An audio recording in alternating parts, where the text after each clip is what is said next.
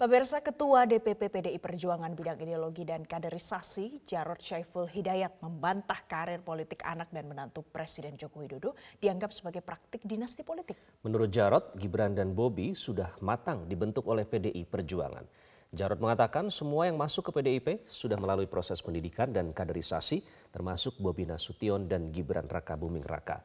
Jarod menyebut praktek dinasti politik adalah ketika anggota-anggota keluarga tersebar di seluruh partai politik namun dalam hal ADART PDI Perjuangan, figur kaderisasi dari terah keluarga adalah budaya. Jarod menambahkan sejumlah praktek terah keluarga dalam satu partai politik adalah hal yang biasa. Politik itu kalau gitu ya, seseorang itu masuk ya proses dalam politik dan itu dibagi disebar ke banyak partai. Ini berbahaya. PDI Perjuangan tidak boleh. Ya. Ya, dalam satu keluarga itu harus satu partai. Ya. Dinasti politik itu apabila ada seseorang satu di partai A, lainnya di partai B, saudara di partai C, membentuk satu dinasti. No. PD Perjuangan tidak. Satu. Yang kedua, siapa pun yang masuk PD Perjuangan itu terbuka, tetapi melalui proses. Proses pendidikan politik, proses kaderisasi siapa pun juga. Ya, karena kita tahu bahwa sumber. Ya, sumber utama kader partai itu dari keluarga. Ya, baru dari lingkungan masyarakat, baru dari hubungan historisnya. Jadi eh, saya tidak melihat itu. Mas Bobi, Mas Gibran itu melalui proses tidak ujuk-ujuk. Kan gitu ya? Sama seperti Mbak Puan. Mbak Puan itu sejak SMA sudah ikut. Ya apa tidak boleh? Ya boleh dong. Apakah ini hanya terjadi di Indonesia? Tidak di Amerika terjadi, di mana-mana, Singapura. Jadi saya tidak.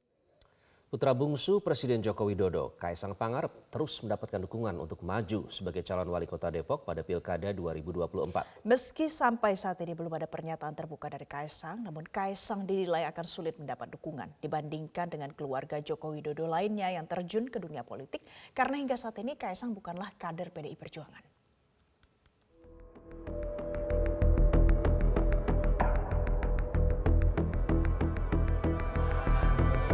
Dukungan terhadap putra bungsu Presiden Joko Widodo, Kaisang Pangarep, untuk maju menjadi bakal calon wali kota Depok kian masif. Padahal, sampai saat ini belum ada pernyataan terbuka dari Kaisang untuk berlaga di Pilkada Kota Depok 2024. Namun, masifnya dukungan kepada Kaisang Pangarep untuk menjadi calon wali kota Depok membuat PDI Perjuangan gerah. Sebab pencalonan Kaisang juga turut digembar-gemborkan oleh Partai Solidaritas Indonesia Bahkan PSI dianggap mengejar untung dengan memasang baliho bergambar foto Kaisang. Apa hubungannya kalau dia menang dengan Kaisang jadi wali kota? Kan? Karena Kaisang kalau punya kesempatan jadi wali kota, nggak tergantung dari apakah dia menang atau tidak. Apakah partai ini menang atau tidak. Bahkan kalau partai ini nggak ada di Depok pun, Kaisang masih punya kans untuk jadi wali kota. Kalau memang warga Depok begitu menginginkan, ya eh, perubahan itu dikawal oleh Kaisang. Ada banyak konsekuensi bagi Kaisang untuk maju sebagai bakal calon wali kota Depok. Kaisang harus menunjukkan integritas dan kepribadian yang kuat. Bukan hanya mengandalkan dirinya sebagai anak presiden, namun, menurut Ketua Umum Projo Budi Aris Setiadi, pencalonan itu merupakan hak politik Kaisang. Menurutnya, keinginan anak muda untuk berpartisipasi dalam politik harus diapresiasi. Memang urusan tentang Pilwalkot Depok ini magnitudenya luar biasa besar ya, bahkan nasional. Nah, kembali ke soal Kaisang, saya menilai bahwa itu hak politiknya Kaisang. Toh akhirnya kembalinya lagi kepada pilihan warga Depok. Oke warga Depok mau nggak milih beliau? Kan nah, begitu kan dikembalikan diserahkan kepada rakyat. Begitu. Tapi Mas Budi begini uh, memang yang memilih akhir adalah rakyat. Tapi kalau saya coba gabung tadi seperti yang dikatakan oleh uh, Pak Panana Baban harus ada pembuktian dulu ya harus ada rekam jejak karir politik dan seterusnya. Sampai sekarang kan Kaisang juga belum bergabung dengan partai politik mana pun tuh. Pembuktiannya pun di kehidupan atau di uh, ceruk politik juga masih belum ada. Bagaimana Mas Budi merespon hal ini? Ya ya namanya baru ya selalu selalu selalu belum ada rekor sama sih itu kan kalau itu sama aja logika waktu di zaman orde baru dulu untuk jadi presiden harus punya pengalaman jadi presiden ya nggak bisa begitu dong Seperti misalnya Pak Jokowi waktu awal 2014 juga diragukan beliau menjadi presiden Indonesia. Ternyata waktu membuktikan. Menurut saya beri aja kesempatan. Kan gini loh, anak muda berpartisipasi dalam politik, khususnya politik lokal, membangun daerah, itu kan harus diapresiasi. Sementara menurut Direktur Eksekutif Lingkar Madani, Rai Rangkuti, gerak-gerik Kaisang untuk maju di Pilkada Depok dinilai serius. Namun menurutnya, Kaisang Pangarep akan sulit mendapat dukungan dibandingkan dengan keluarga Joko Widodo lainnya yang terjun ke dunia politik. Hal itu terjadi karena hingga saat ini Kaisang bukanlah kader PDI Perjuangan. Jadi kalau PDI Perjuangan menganggap belum ada prestasi eh, Bob di Medan atau kayak uh, katakanlah Gibran di Solo gitu, itu tanggung jawabnya justru ada di, di bukan di presiden, tanggung jawabnya itu ada di uh, di PDI Perjuangan. Karena keduanya diusung oleh PDI Perjuangan dan merupakan kader PDI Perjuangan gitu. Kalau Kaisang kan agak beda nih. Kaisang ini kan kelihatan agak keluar dari jalur PDI Perjuangan. Ya kan lebih kelihatan lebih dekat dengan PSI, belum tentu juga ya bersama dengan PSI gitu ya. Dan oleh karena itu mengaitkan antara kader PDI Perjuangan yang dianggap kurang, ya kadarnya biasa-biasa saja, dengan Kaisang yang bakal diusung oleh eh, PSI, ya nggak tepat gitu loh. Meski rencana pencalonan Kaisang Pangarep dianggap memperbesar dinasti politik keluarga Joko Widodo, sebagai ayah, Joko Widodo mengaku merestui pilihan Kaisang. PT Asuransi Indonesia atau Indonesia RE kembali menggelar Indonesia RE International Conference 2023 yang kedua kalinya berlangsung dari tanggal 4 hingga 5 Juli 2023.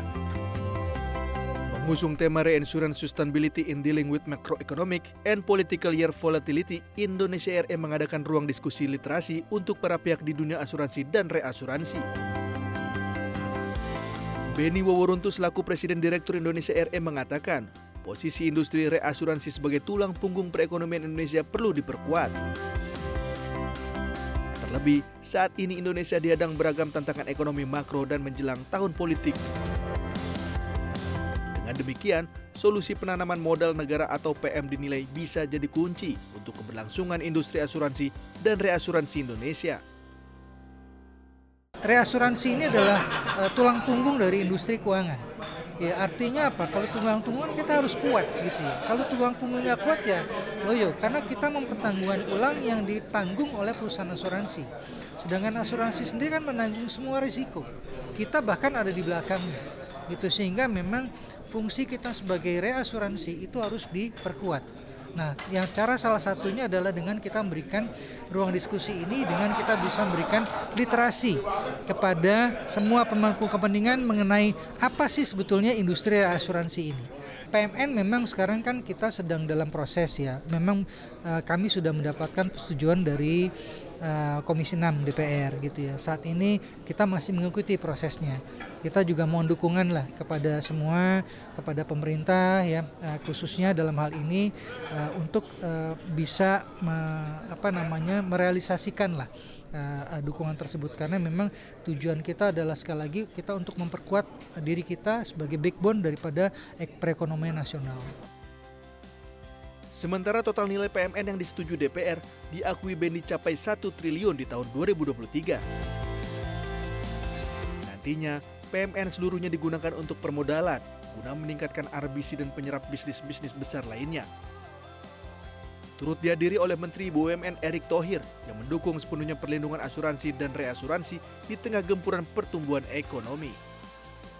Kita sekarang secara ekonomi kan tumbuh industrialisasi, trading, ya mau tidak mau ya insurance coverage itu akan menjadi uh, kunci gitu. Ini yang saya rasa uh, tentu ya saya ucapkan selamat ya, bahwa ini ada sosialisasi yang bagus. Ya menjadi pelayan yang baik untuk insurance cover yang memang itu mandatori sebagai regulationsnya udah memang hal yang ada gitu. Nah penguatan itu yang kita dorong.